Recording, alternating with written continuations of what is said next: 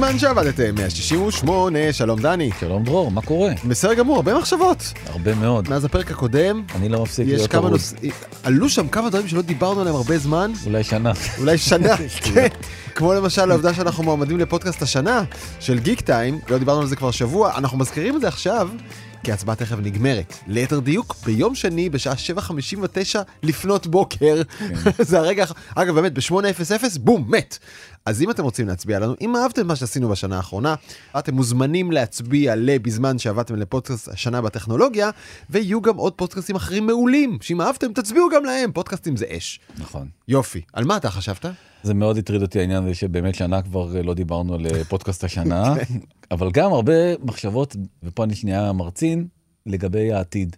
דווקא לעתיד. כן, יצא לי, תראה מה זה. גם על העתיד הכללי של האנושות, אחרי כל הסיפורים המשוגעים שסיפרנו שבוע שעבר על סורה של OpenAI, וגם קצת לגבי הפרנסה הפרטית שלי, ובכלל לאן ילך כל העולם הזה של הסטארט-אפים. כי... אתה זוכר מה סיכמנו בפרק הקודם? שאתה הולך למכור קוקוסים. בשפת הים, שם לא יהיה disruption. אז uh, התחלתי להתאמן על uh, לחתוך אננסים. ולהכניס אותם לשקיות, אבל לאורך כל ההיסטוריה תמיד התרגלנו שבעצם את הרעיונות הטובים ביותר מביאים סטארט-אפים קטנים, והרבה מהם מתים בדרך. היחס הוא באמת uh, אחד לעשרה מהסטארט-אפים הממומנים, ואז מגיעות הקרנות הגדולות, הענקיות, המפחידות, ושופכות ים כסף, והחברות האלה הופכות לחברות ענק ומשפיעות על כל החיים שלנו. גוגל, פייסבוק, טיק טוק, אמזון, אמזון, אפל. נכון, כל החברות שאנחנו מכירים, וגם סיפרנו שבוע שעבר סיפור על אה, סם אלטמן עם השבעה טריליון דולר שלו, וגם נספר השבוע סיפור על אה, מסאיושי סאן שרוצה להקים סטארט-אפ ב-100 מיליארד דולר. ואתה אומר, אולי הכל כאילו משתנה, העולם בעצם הוא לא, מה שהיה לא יהיה, כאילו כן. יכול להיות. אז יש אה, לנו בעצם כאן הזדמנות להסתכל רגע על העולם ועל העתיד שלו דרך העיניים של כמה מהחברות השקעה, כמה מהאנשים החכמים והמוערכים ביותר בעולם, איך הם רואים את העולם, לאן הוא הולך. אז אנחנו הולכים בעצם לספר על זה בדקות הקרובות. מהם התחומים הכי בוערים לסטארט-אפים? אגב, יש איזה חמישה מיליון. מה מחפשים המשקיעים הגדולים?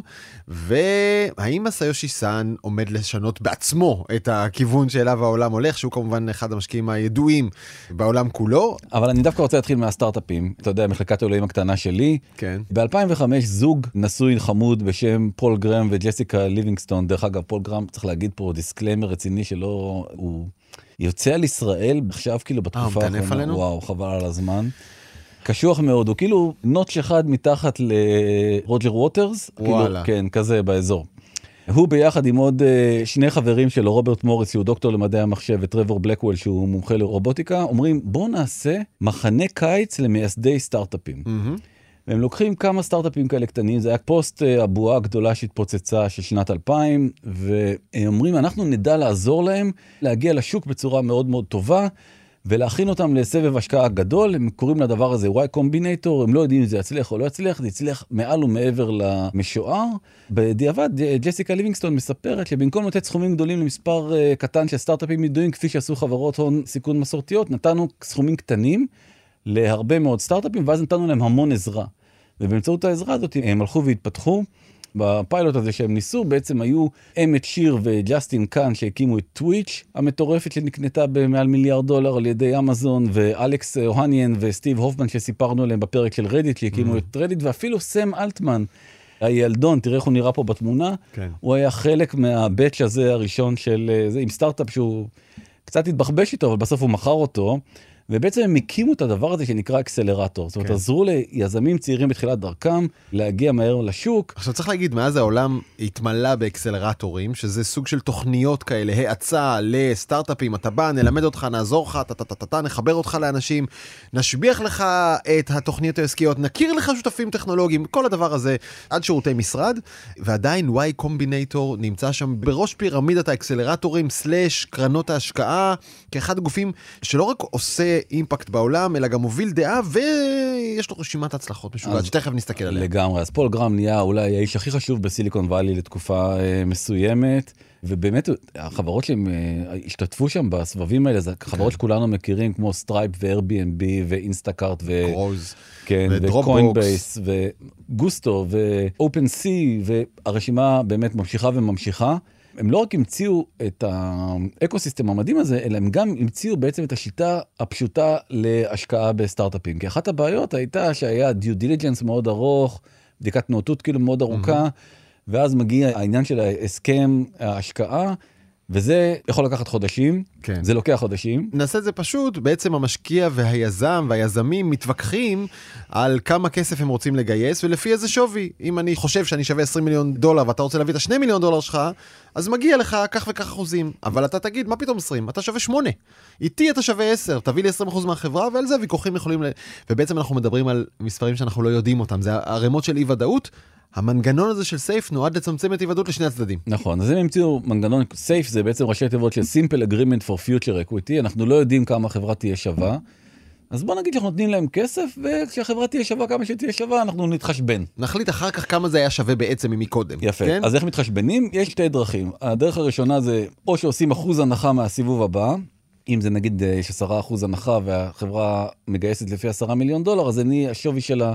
שאני אקבל את המניות שלי יהיה לפי 9 מיליון דולר, אם זה 10% הנחה, או באיזושהי תקרה, אם החברה גיסה לפי 20 מיליון דולר והתקרה היא 10 מיליון דולר, אז האחוזים שלי יחושבו לפי 10 מיליון דולר ולא לפי 20 מיליון דולר, mm-hmm. זה מה שמקובל. כי היית קודם. כי הייתי קודם, וכי האמנתי בחברה כשאף אחד לא ידע לקבוע את השווי שלה, למרות שבדרך כלל הקאפ הזה, התקרה הזאת שנקבעת בסייף, היא פחות או יותר סביבה משערים שיהיה הסיבוב, הסיבוב, הבא. הסיבוב הבא. וצריך להגיד, המנגנון הזה בעצם אה, הכחיד את ההלוואות שחברות היו מגייסות קודם. נכון? מטורף נכון? כמה זה הכחיד, כי זה ממש נתונים טריים של קרתא מלפני אה, שבוע.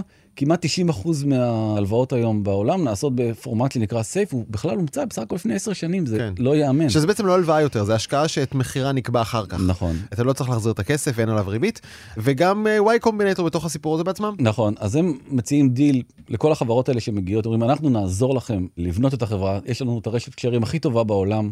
כל הפאונדרים האלה של כל החברות, תחשוב שאתה פוגש את הפאונדרים של Airbnb. כן. ו... הם כולם אצלי פה בחיוג מהיר. ממש, ושל טוויץ' ושל כל חברה שאתה רק רוצה בכל DoorDash, אינסטאקארט וכן הלאה וכן הלאה.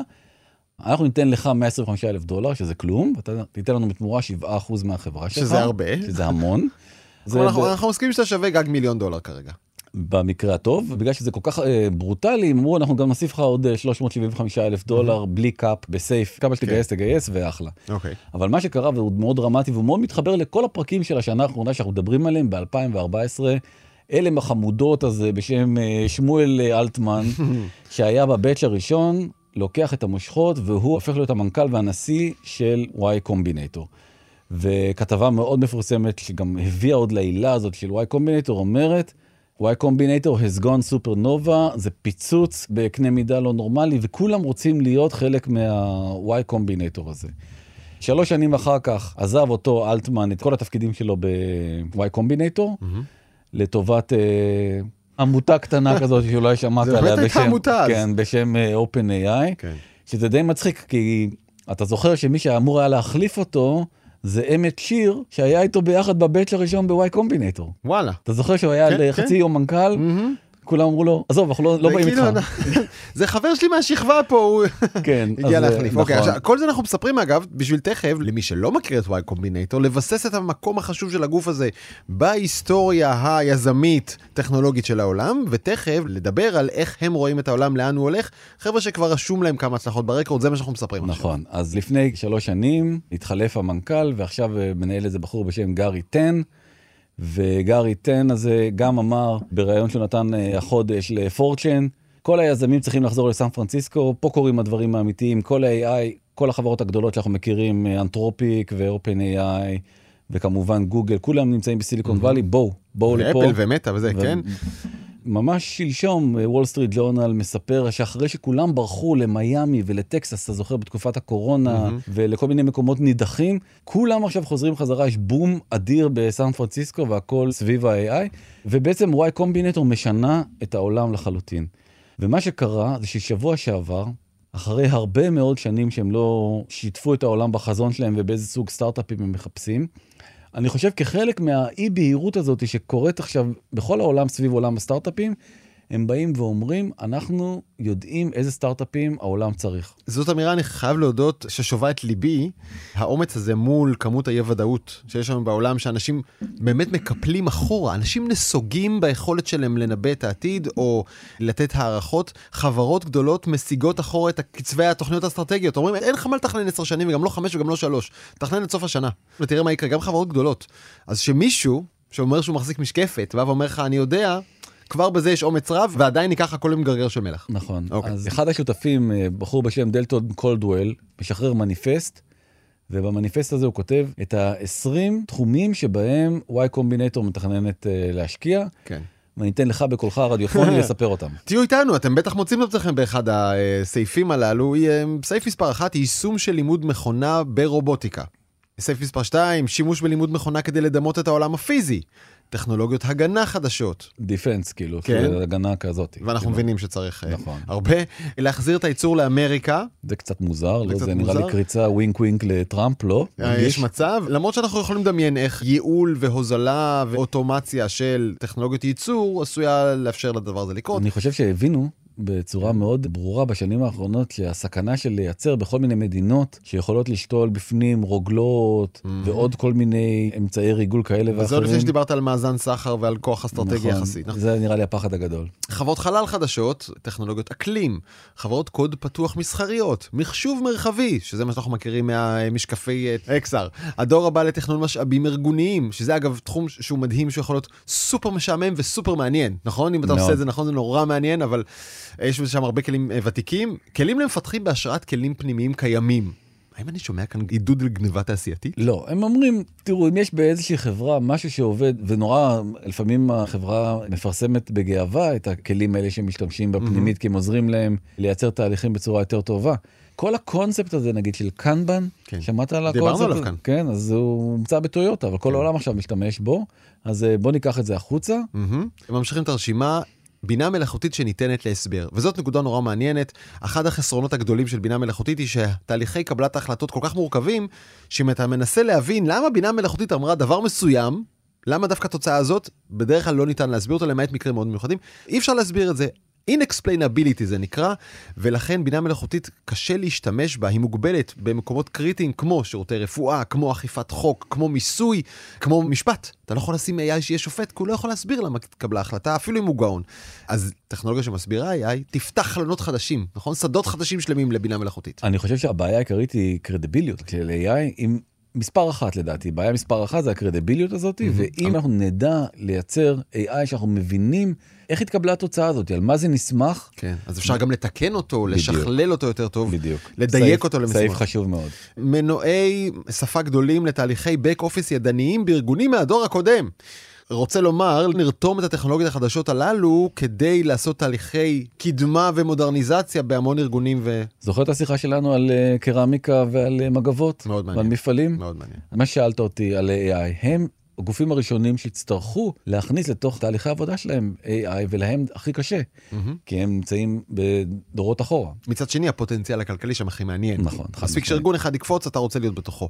בינה מלאכותית לבניית תוכנה ארגונית, כלכלת סטייבל קוין, דרך לשים קץ לסרטן. בקטנה. זה נשמע לך הגיוני שזה באותה אותה רשימה עם AI לבניית תוכנה ארגונית? דרך לשים קץ לסרטן, מודלים בסיסיים למערכות ביולוגיות, גוף או הצעה של שירותים מנוהלים לתחום הבריאות.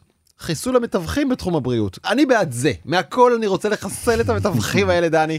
נגיד אם אני צריך תרופה מאוד יקרה ואני חייב לקנות אותה בארצות הברית, בישראל יש אה, קופות חולים, אז אתה יודע, זה כאילו מסובסד, סל? בריאות. אתה לא בהסדר? סליחה, אנחנו לא בהסדר. לך לסניף ממול. בדיוק. אז אה, בישראל עוד יש איזשהו פתרון, אבל בארצות הברית אין, ואתה הולך ל-CVS, CVS גובים את העמלה שלהם כי מזה הם מתפרנסים, ואתה לא יכול לקנות בצורה ישירה, נגיד בחברת תרופות, תרופה, היום. אוקיי, דוגמה. סעיף אחד לפני האחרון, דבק ארגוני טוב יותר. אני בעד אוהו. זה לא אוהו? זה הצ- יוהו? יוהו. יוהו. איך אומרים את זה? הצהוב הזה. זה- כן. אמ, דבק ארגוני טוב יותר, הכוונה ל... שתוכנות בתוך הארגון שלא מחוברות אחת לשנייה, יעבדו טוב יותר אחת עם השנייה. כן. ומודלים קטנים של בינה מלאכותית שמכוונים כחלופה למודלים גנריים ענקיים. זאת נקודה נורא נורא מעניינת. היום אנחנו משתמשים ב-ChatGPT ודומיו בעצם להכל, שואלים אותו על כל תחום שבעולם, אבל אנחנו יודעים שלו היינו מסוגלים לקחת אפילו מודל רזה יותר ולהפוך אותו למומחה רק לרפואה. רק לרפואה אונקולוגית, רק לאונקולוגיית ריאות, או להפוך אותו רק למומחה השקעות ספקולטיביות, ב, נכון, באופציות בינאריות, לא משנה. תלמד אותו משהו ספציפי, הוא יהיה יותר חכם ויעשה פחות טעויות ויעלה פחות כסף. זה בדיוק מה שניסיתי להגיד בפרק הקודם שדיברנו על האופנה. אני ככה תעשה את זה. נכון, לא, כן. אני מסכים, אני חושב שכשדיברנו בפרק הקודם, עוד לא ראיתי את הרשימה הזאת. אני לגמרי חושב שהם צודקים בעניין הזה, ששם תהיה ההזדמנות הגדולה בכל מה שקשור ב-AI. כן. וללמד מודל מסוים, איך מתנהלים בתוך ורטיקל מסוים. כי כל ורטיקל גם יש לו דרך אחרת של עבודה. זאת אומרת, בקופת חולים מרשמים זה משהו אחד, ובמשרד עורכי דין הם אה, עוסקים בחוזים מסחריים וכל מיני כאלה דברים, ולכן כל תהליך העבודה שונה ממקום למקום, וצריך להתאים את המכונה ואת הבינה המלאכותית לדרך העבודה שבה עובד הוורטיקל הספציפי. וזה מאפשר גם להתאים את זה לרגולציה ספציפית לתחום הזה, נכון. לנהלי עבודה, לארגונים מסוימים, פתאום זה הופך להיות כלי שאפשר באמת להשתמש בו ביום יום. אז הנה 20 תחומים שבהם החבר'ה האלה מחפשים סטארט-אפים. יש לכם משהו? תרים להם טלפון. בדיוק. הם מחפשים, דרך אגב, הם אקטיבית. מפרסמים. כן. לכן הרשימה הזאת התפרסמה בכלל. נכון. והשאלה הגדולה זה באמת היכן משקיעים את הכסף הגדול. אני מאוד מאוד מאוד אוהב את המצגות של קטי ווד, אני יודע שהיא מאוד שנויה צודקת, במחלוק. לא צודקת, זה כן, פחות בדיוק, משנה. היא כן. בזמן האחרון ממש לא צודקת, אבל החזון שלה הוא באמת אה, מעורר השראה, והיא מסמנת חמישה תחומים, אנחנו מסכימים עליהם לדעתי לחלוטין, אולי על אחד אולי על אחד כן, אנחנו לא- קצת ככה. אה, חצי כוח, אבל בעצם כן. החמישה תחומים העיקריים. אגירת אנרגיה, שזה... בלי אגירת אנרגיה אין אנרגיה מתחדשת, אין רוח ושמש בעצם, אז אגירת אנרגיה זה חשוב. רובוטיקה, בינה מלאכותית כמובן, שיושבת באמצע בתור אה, אולי אבן דרך הכי מרכזית כאן. ריצוף שאר הגנום שעוד לא רוצף, זו הגדרה טובה? כן. כן. הם קוראים לזה ריצוף מולטיומי, שזה בעצם מאפשר תכנות ביולוגי לא רק לרצף DNA, אלא גם לחלבונים, או כל המערכות הביולוגיות שיש לנו כן. בגוף. יש עוד הרבה מה להרוויח שם, נכון. והיא מדברת גם על בלוקצ'יין ציבורי, כלומר אותה רשת אה, מבוזרת אך מאובטחת שמאפשרת לשמור למשל מידע רפואי ובנקאי וזה, שוב, כל הבלוקצ'יין הזה הוא קסם של רעיון ברמה התיאורטית, עוד לא ראינו אותו מתממש בצורה מספיק שימושית יומיומית. נכון, כי יש בו עדיין הרבה מאוד בעיות אינהרנטיות באיך שהוא עובד, בזמן התגובה שלו, זה לא real time, אתה נגיד בבנקאות, כמו שדוגמה שנתת, לוקח יותר מדי הרבה זמן עד שהטרנזקציה הזאת מעובדת בתוך הרשת הזאת, קשה, קשה. לך, גם הממשקים, גם הכי נוחים, הם לא נוחים. נכון.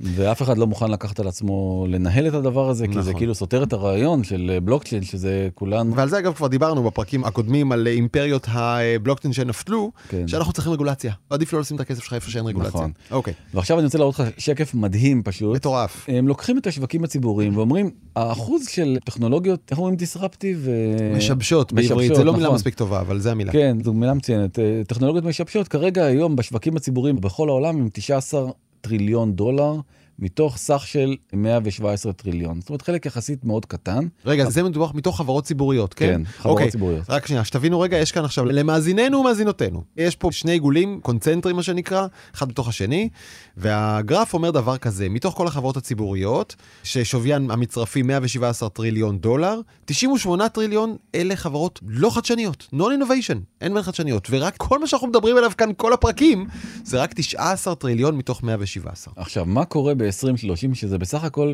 פחות משש שנים מהיום? היחסים מתחלפים לחלוטין. אמנם החברות הלא טכנולוגיות גדלות במעט, מ-100 ל-140, אבל החברות הלא טכנולוגיות מזנקות לפי הגרף הזה מ-19 טריליון ל-220 טריליון. כלומר, הטכנולוגיות, רוב הבורסה, רוב החברות הציבוריות הנסחרות, תהיינה שייכות למגזר הטכנולוגיה, ועם עוד קצת לכלוך של, לא יודע מה, אנרגיה וחקלאות מסביב. נכון, זהו. בתוך מגזר הטכנולוגיה מי דומיננטי? אלא מה? AI. נכון, AI כמעט 40% מתוך המגזר הזה, ויש לה עוד גרף מדהים שמראה לאורך ההיסטוריה איך כל מיני מהפכות טכנולוגיות כמו המצאת מנוע קיטור, או סלילת הרכבות, או המצאת החשמל, או הטלפוניה, או האינטרנט, או באמת, המעגל המודפס, שום דבר אין לו אימפקט על האנושות, כמו של-AI הולך להיות אה, אימפקט על האנושות עוד שנייה? ב-2030. אני חייב להגיד לך, הגרפים האלה הם אלה שמאפנטים אותי הכי הרבה. כל הרצאה אני מראה גרסה יותר פשוטה של הגרף הזה, כן. ואני שואל באופן אה, אותנטי, אני לא יודע את התשובה. האם מהפכת הבינה המלאכותית תהיה שווה בגודלה, יותר או פחות, למהפכת החשמל, הקיטור, המחשוב, הסמארטפון, האינטרנט? ולפי הגרף הזה, התשובה מוחצת. היא תהיה חשובה יותר בינה מלאכותית מכל הדברים האחרים. אני מתקשה לזרום עם הכל, אני חייב אני, להודות. אני, אני דווקא זה יותר מאוד חשוב מאוד? מאמין בזה. זה יהיה יותר חשוב מהחשמל? זה יהיה יותר גדול מהכל, כי כל הדברים האחרים הם בעצם אפשרו לנו לפעול בצורה יותר יעילה. השאלה למה אתה זה מודד. מחליף אותנו, אתה מבין? זה משהו רגע, שהוא... השאלה, השאלה למה אתה מודד. אם אתה מודד תוצר כלכלי, AI ניצח מזמן נכון. כבר. אבל אם אתה מודד השפעה על היומיום האנושי, או על הלך המחשבה האנושי, אני לא יודע אם היה מנצח לא- חשמל. אוקיי, מה שהדבר הזה מודד זה את ההשפעה הכלכלית. estimated economic impact, היא אומרת, מה יהיה האימפקט הכלכלי אם AI, אתה יכול לקחת את דרור ולייצר בהינף יד 100 דרורים שייצרו את כל מה שאתה מייצר לצדך, תחשוב איזה אימפקט כלכלי מטורף יכול להיות לזה. איך חשמל עוזר לך? תדליק ותכבה את האור? לא, אותך. לפני 100 שנה היה חושך בבית. כן. כאילו, לא היה מקרר. אז בסדר, יכולת להשתמש בנר, אתה יודע, זה לא...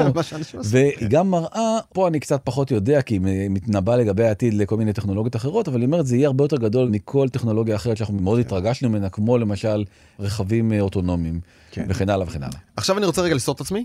הסימון האחרון שאתה תצחק עליו כי הוא טריוויאלי, זה שבעצם כל עובד, בכל תפקיד, בכל ארגון, בכל מחלקה, יכול להיות דאטה אנליסט של עצמו, לנתח את כל הנתונים שיש לו. אתה לא צריך לחכות למחלקה ההיא, לעובדת ההיא שמתפנה בסוף הרבעון. מה אתה, שיווק? אתה מכירות? התמיכה? קח את האקסל המטופש הזה, דחוף אותו לתוך מייקרוסופט, גם לתוך זה, תתחיל לשאול שאלות, תהיה יותר חכם לעבודה שלך הרגע. שמע, היום דיברתי עם איזה משקיע על האקסל. אמרתי לו שאני זוכר שכשאני הייתי סטודנט, לימדו אותנו את כל הלולאות האלה של האיפים, וגם נבחנו על זה, וזה משהו, עם כל הסוגריים, יש 200 סוגריים. כלומר, שזה- אתה אומר, רגע, רגע, בשביל לעשות ניתוח, נתונים, להבין מה המגמות בערימה של נתונים, טבלת נתונים ענקית שיש לך באקסל, עד לפני רגע היית צריך לשלוט באומנות האקסל. אגב, אני מעולם לא השתלטתי על זה. אה, זה גם- גם לא מאוד ניסיתי. מאוד קשה, מאוד קשה. זה. ניג'וס על, ועכשיו אתה כותב משפט באנגלית. אגב, שאלה פתוחה. מה המגמות שאתה רואה כאן AI? והוא אומר לך. ואז אתה יכול לשאול אותו, איך משתנה המכירות לפי גיל, לפי אזור בארץ, לפי עונה? בום. עכשיו דמיין לעצמך שאתה רואה בזמן אמת כמה הזמנות מהחנויות יש, אתה נותן באקסל איזושהי פקודה. שאם החנויות עוברות איזשהו רף מכירה מהר, תשלח הודעה, הלוגיסטיקה. כן, למפעלים בסין שייצרו מהר עוד מלאי, והכל קורה בצורה אוטומטית על ידי אייג'נטים של AI שמדברים אחד עם השני. תחשוב איזה יעילות בתפוקה אפשר להביא את העולם, או להקטין דרך אגב אה, הזמנות, יכול להיות פשוט עולם כל כך הרבה יותר יעיל. ועכשיו כל- לשקף הכי מדהים בכל כן, המצגת, מטורלל. שהוא חוזר חזרה לשאלה שאתה אומר, אני לא רואה את זה קורה, אז קשה מאוד לנו לדמיין משהו עד שאנחנו רואים אותו מתרחש. בינואר 2020, בסך הכל לפני ארבע שנים, ההערכה שבינה מלאכותית מלאה תהיה פה לידינו, הייתה סביב ה-80 שנה. רגע, מה שאנחנו מדברים עליו עכשיו, זה להזכיר שכל עולם הבינה המלאכותית חותר לכיוון AGI, artificial general intelligence. נכון. שאומר, בינה מלאכותית שהיא כבר לא מוגבלת לשום דבר, היא חכמה כמו כל אדם שאתם מכירים, בעצם כמו כל האנשים ביחד, היא יודעת הכל. נכון. ובאמת, אנשים בכל נקודה בהיסטוריה בשנים האחרונות, עומדים בנקודה, מסתכלים לעתיד קדימה. ואומרים, אני מנסה לנחש מתי זה יבוא. אז הנה הנחושים מסודרים על גרף. נכון. ביולי 20 הייתה הכרזה בבטא סגורה של אה, GPT-3, אף אחד לא ידע מה זה, גם אנחנו לא ידענו שיש כזה דבר, אבל רק שמענו שמועות, אז ההערכה לגבי אה, בינה מלאכותית ג'נרליסטית התקצרה ל-50 שנה. אחר כך גוגל שחררה את המודל שלה וירדנו ל-34 שנים, ואז ChatGPT הוכרז ב-22 וכל זה קורה כל כמה חודשים, כן. הערכה מתעדכנת. ב- וירדנו ל-18 שנים, ואז GPT-4 הוכרז וירדנו ל-8 שנים. ואם הגרף הזה ימשיך ככה כמו שהוא ממשיך, אנחנו בין 26 ל-27, שזה עוד שנייה, נהיה עם בינה מלאכותית ג'נרליסטית שתעקוף את האדם, כן. בקצב התקדמויות. עכשיו, למה אני מחזיר אותך? כי גם על הווידאו, סקויה פרסמה דוח שנה שעברה, והיא אמרה שווידאו ברמה כזאת של איכות שידור, הם חוזים שנה שעברה, סקויה, הקרן הכי גדולה והכי חשובה בעולם, ב-2030. כאילו, עוד פעם, שזה יהיה מוכן לפריים, אז אה, בוא ניקח כמה שנים אחורה, זה 28, 29, זה יהיה כזה עדיין אה, מג'עג'ע. כן. אנחנו נמצאים בתחילת 2024, וזו טכנולוגיה מטורפת. מטורפת. ולא היינו מוכנים לזה, אמרנו רק איזה וואו אפקט אנחנו, אתה יודע שאנחנו עוקבים ומסקרים את ה... את... ולומדים את התחום הזה כל כך, עדיין היינו עמומים מאיזה קפיצה משוגעת סם אלטמן והצוות שלו הביאו. מהמם. ולכן ההתקדמות הזאת היא, היא כל כך אקספוננציאלית, שאנחנו באמת יכולים למצוא את עצמנו בעוד שנה או בעוד שנה וחצי, אפילו בעוד שנתיים, עם מחשבים שהם יותר מתוחכמים מאיתנו, יותר חכמים מאיתנו, יותר מה שלא תרצה. הזכרנו גם את זה שבוע שעבר, סם אלטמן אומר בדאבוס לפני חודש, הבינה המלאכותית קרובה יותר למה שאתם חושבים. איזה אמירה reasonably close-ish future. מה אתה? כן, אין לו- אין לו ג'ן- זי, מה זה קלוסיש? לא, זה, זה, זה נשמע לי כמו איסט קוסט כזה. anyway, הוא אומר שזה תכף מגיע, ואז הכותרת ב-The Byte אומרת שגם אמזון ממש בדרך לשם, אמזון AGI team say their AI is showing emergent abilities, היכולות שלו כבר מתעוררות, אומרים הצוות של אמזון. ה-AGI, זה לא צוות ה-AI, זה צוות ה-AGI, זה, הצוות... זה הפלחוד, כן, ממש. הסיירת שלהם, כן. ומתחת הכותרת משנה אומרת, וואו. כן. זהו, זה כל מה שיש בכותרת משנה. וואו. כן. ומרק צוקרברג גם כן בטירוף על AGI, והוא מנסה איזושהי מין טכנולוגיה חדשה, קוראים לה תינוק. וואלה. כן, זה הטכנולוגיה שלו. פאסט קומפני מספרים שהמודל של מטא הוא בעצם מודל חדש שהולך ללמוד את הוידאו דרך התבוננות בו, כמו תינוק. וככה הם גם מסבירים את זה בסרטון הדגמה שלהם. קוראים לזה V-JEPA, זה המצאה חדשה של יאן לקון. שזה המדען AI הראשי של מטא. ואחד האנשים אולי הכי משפיעים היום על העולם הזה, וזה בעצם, הרעיון הוא רעיון שונה לחלוטין מהדרך שבה סורה או כל המודלים האחרים של runway ושל גוגל עובדים. מראים למודל סרטוני וידאו. אומרים לו בוא תראה כל הזמן סרטוני וידאו, תלמד איך העולם הזה מתנהג דרך סרטוני וידאו, ואז נסתיר לך חלק מהסרטון וידאו, ואתה תנסה להשלים אותו בעצמך. כלומר לראות מלא וידאו ולנחש איך העולם עובד. להבין איך העולם עובד, ובעצם הוא יודע להשלים בעצמו, ואז הוא נהיה מנוע AI, כי הוא יודע גם לייצר סרטים בעצמו, כי הוא כבר יודע להשלים חלקים חסרים. הם ממש שמים, בדוגמה שהם מראים, הם מראים מישהו מדפדף בספר, ויש קובייה ענקית, והמודל יודע להשלים את הדפדוף הזה ולהבין שיש דפדוף, כי הוא כבר ראה הרבה מאוד סרטים שדפדופים אה, בספרים. תחשוב שאתה אתה יושב כזה רואה סדרה בלילה עם אשתך ופתאום הטלפון שלך צועק הרוצח זה הפקח נסיעה ברכבת. זה קייזר סוזה. כבר ראיתי כן, אני מנחש. כן. alright. ומסתכל מסאיושי סאן על כל הסיפור הזה, ואומר, אני פה חייב לעלות על הרכבת, כן. ומהר. מסאיושי סאן נזכיר הוא גם הוא אחד מהמשקיעים הבולטים בעולם השולט בסופטבנק. היה חברה- לתקופה האדם הכי עשיר בעולם. מהמם. לתקופה אה, מסוימת בשיא בועת הדוט קום. ועם המיליארדים שלו הוא כבר הצליח לגדל הרבה טכנולוגיות ואנשים מצליחים וגם לגדל הרבה טכנולוגיות כושלות ואנשים איומים ונוראים ושקרנים ורמאים. נכון. אולי הכי מפורסם שהוא גידל אותו היה ג'ק מה. נזכיר גם איפה הוא נולד מסאיושי סאן. בדיוק, אז הסיפור שלו הוא כל כך מדהים שאני אמרתי אם אנחנו כבר מדברים עליו, אז אולי טיפה נעשה כזה חיים שכאלה. הוא היה ילד למשפחה קוריאנית, די ילד כאפות, לא כל כך מקובל חברתית. הבן אדם הכי מפורסם באותה תקופה שהוא היה ילד, היה בחור שנקרא פוג'יטה דן. והפוג'יטה דן הזה, הוא הביא את הזיכיון של מקדונלדס מארצות הברית ליפן, וגם הפך לאחד האנשים העשירים ביפן. והוא נורא רצה להיפגש איתו בתור ילד, והתקשר כל הזמן ולא הצליח לחדור את כל המרכזיות. אז הוא פשוט לקח רכבת מהבית שלו, נסע למשרדים, התיישב מול המשרד של הפרוג'יטה דן הזה, ואמר, אני לא זז עד שהוא פוגש אותי. ארגן לו פגישה של רבע שעה, אמר לו, תגיד, מה אני צריך לעשות? הוא אמר לו, אתה צריך ללמוד אנגלית, לנסוע הברית, לעשות שם תואר במדעי המחשב ולעבוד בזה. ומה נראה לך שהוא עשה? את זה? בדיוק את זה.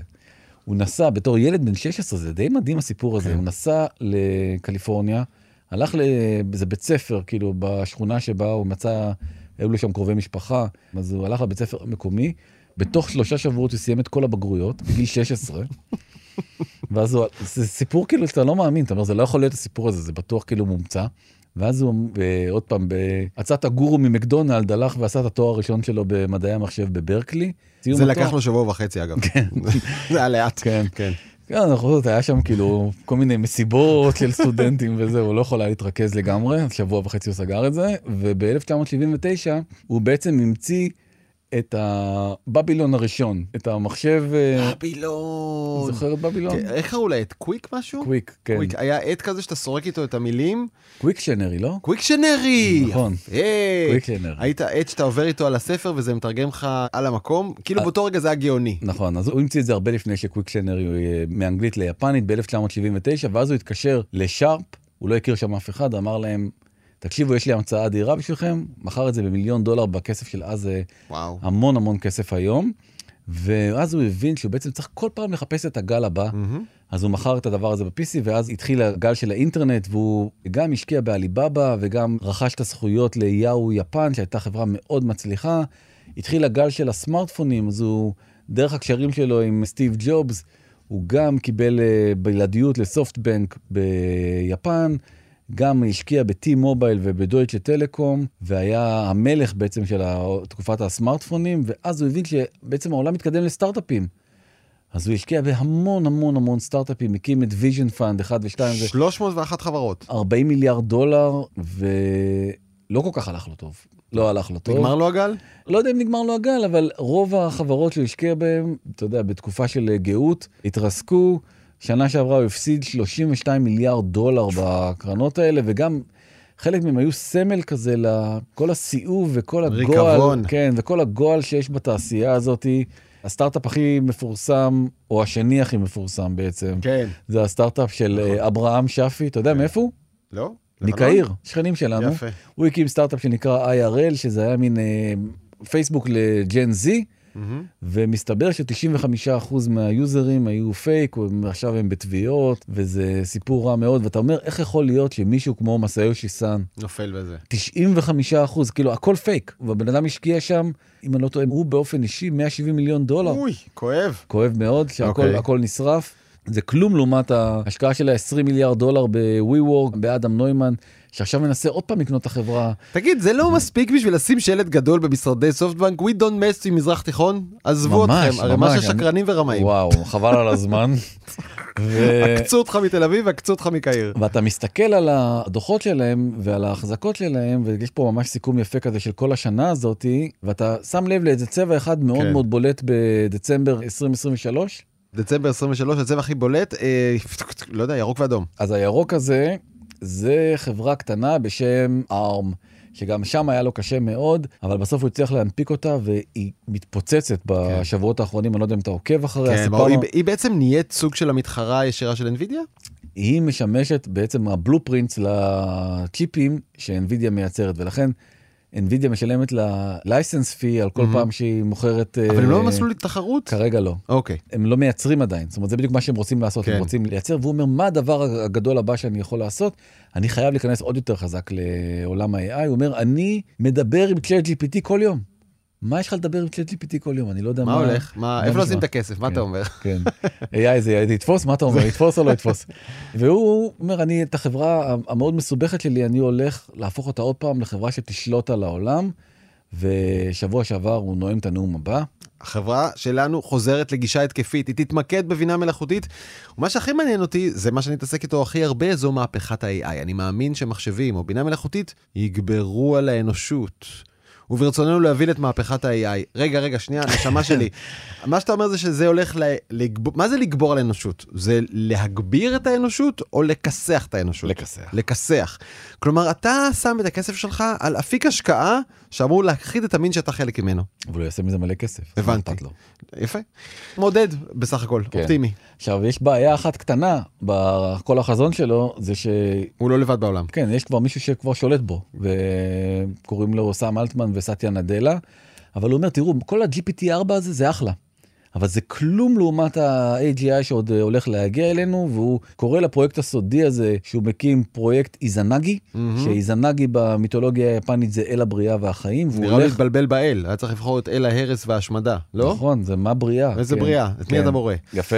והוא הולך לגייס 100 מיליארד דולר לחברה יפה. הזאת. עכשיו 100 מיליארד דולר, תגיד לי, 100 מיליארד דולר זה בקטנה, זה פינאץ. כן, אחרי שדיברנו על 7 טריליון דולר. שסם אלפן המתחרה רוצה לגייס. נכון, אבל עד היום, וכולם דרך אגב זה לצ'יפסטים שהם חלק מתוך האקוסיסטם הזה, שצריך אותו באמת בשביל לייצר את ה-AI. הוא אומר, יהיה לי סטארט-אפ שייצר ויתחרה באנווידיה, ויהיה לי את ARM מתחת, ואני יכול לבנות פה משהו כאילו באמת הכי גדול והכי משמעותי בעולם, זה הרציונל. ב-OpenAI עד היום הושקעו 13 מיליארד דולר. זאת אומרת, אם הוא באמת יקים סטארט-אפ ב-100 מיליארד דולר, זה יהיה שיא בפער עצום על כל השיאים שהיו uh, עד היום, בטח עד שהשבעה טריליון האלה של סם אלטמן יתממש. ומסתכל על כל הדבר הזה מנכ"ל NVIDIA מהצד ואומר, איזה שטויות. זה לא יקרה, השבעה מיליארד דולר האלה זה לא יקרה, ובסוף הוא אומר, אני מבין שרוצים פה להאיץ את העניין הזה של ה-AI, אבל AI היא תתקדם בזה שמישהו יעשה לה דמוקרטיזציה כזאת שתהיה נגישה לכולם, ולא יצטרכו להשקיע כאלה סכומי אה, עתק על מנת להביא אותה לכולם. חוזר חזרה לסטארט-אפים. ולכן אני חושב באמת, ואני גם מאמין בזה בכל ליבי, שסטארט-אפים חכמים וצעירים עם רעיונות טובים, תכננו אותם באיזה גראז' של בית, שם בסוף תמיד תמיד תמיד יימצא הפתרון. אמר את זה הכי יפה סת גודין, הוא אמר אף ארגון מעולם לא יצר חדשנות, אנשים יוצרים חדשנות, לא חברות. זה משפט בול, באמת, מדויק ברמה של קרן לייזר, ואני מאוד מתחבר לזה. אני רוצה להזכיר את מה שאמרנו גם פה לפני כמה חודשים. בחלקים גדולים מהעולם משווים את הבינה המלאכותית לאנרגיה גרעינית. וההבדל הוא שבינה מלאכותית מתפתחת ללא שום שליטה וללא שום פיקוח, ואני לא שמעתי לא מסם אלטמן ולא ממסאיושי סאן, ואפילו לא מאנווידיה, איפה נמצא האינטרס האנושי במערך השיקולים שלהם. הוא לא שם. לא שם, חברות uh, מסחריות. אז קחו בחשבון שיש לנו פה חבר'ה מאוד חכמים עם המון כסף, שרצים, משתוללים להם עם האנרגיה הגרעינית החדשה הזאת, והם יעשו איתה מה שהם רוצים. אני מסכים. אתה מסכים? בסדר גמור, on a high note. כן, כיף, איזה כיף לסיים ככה. אנחנו נגיד תודה לעורכת הנהדרת שלנו אפרת מירון ולתומר וולף על הסיוע הטכני ולחברים שלנו במאקו דיגיטל. אתם מוזמנים להצביע לפודקאסט שלנו בזמן שעבדתם בתחרות של גיק טיים. ואתם מוזמנים גם לאתר החדש שלנו הופה.ביו/בזמן שם אנחנו מרכזים את כל האופציות לראות, לשמוע, ליהנות.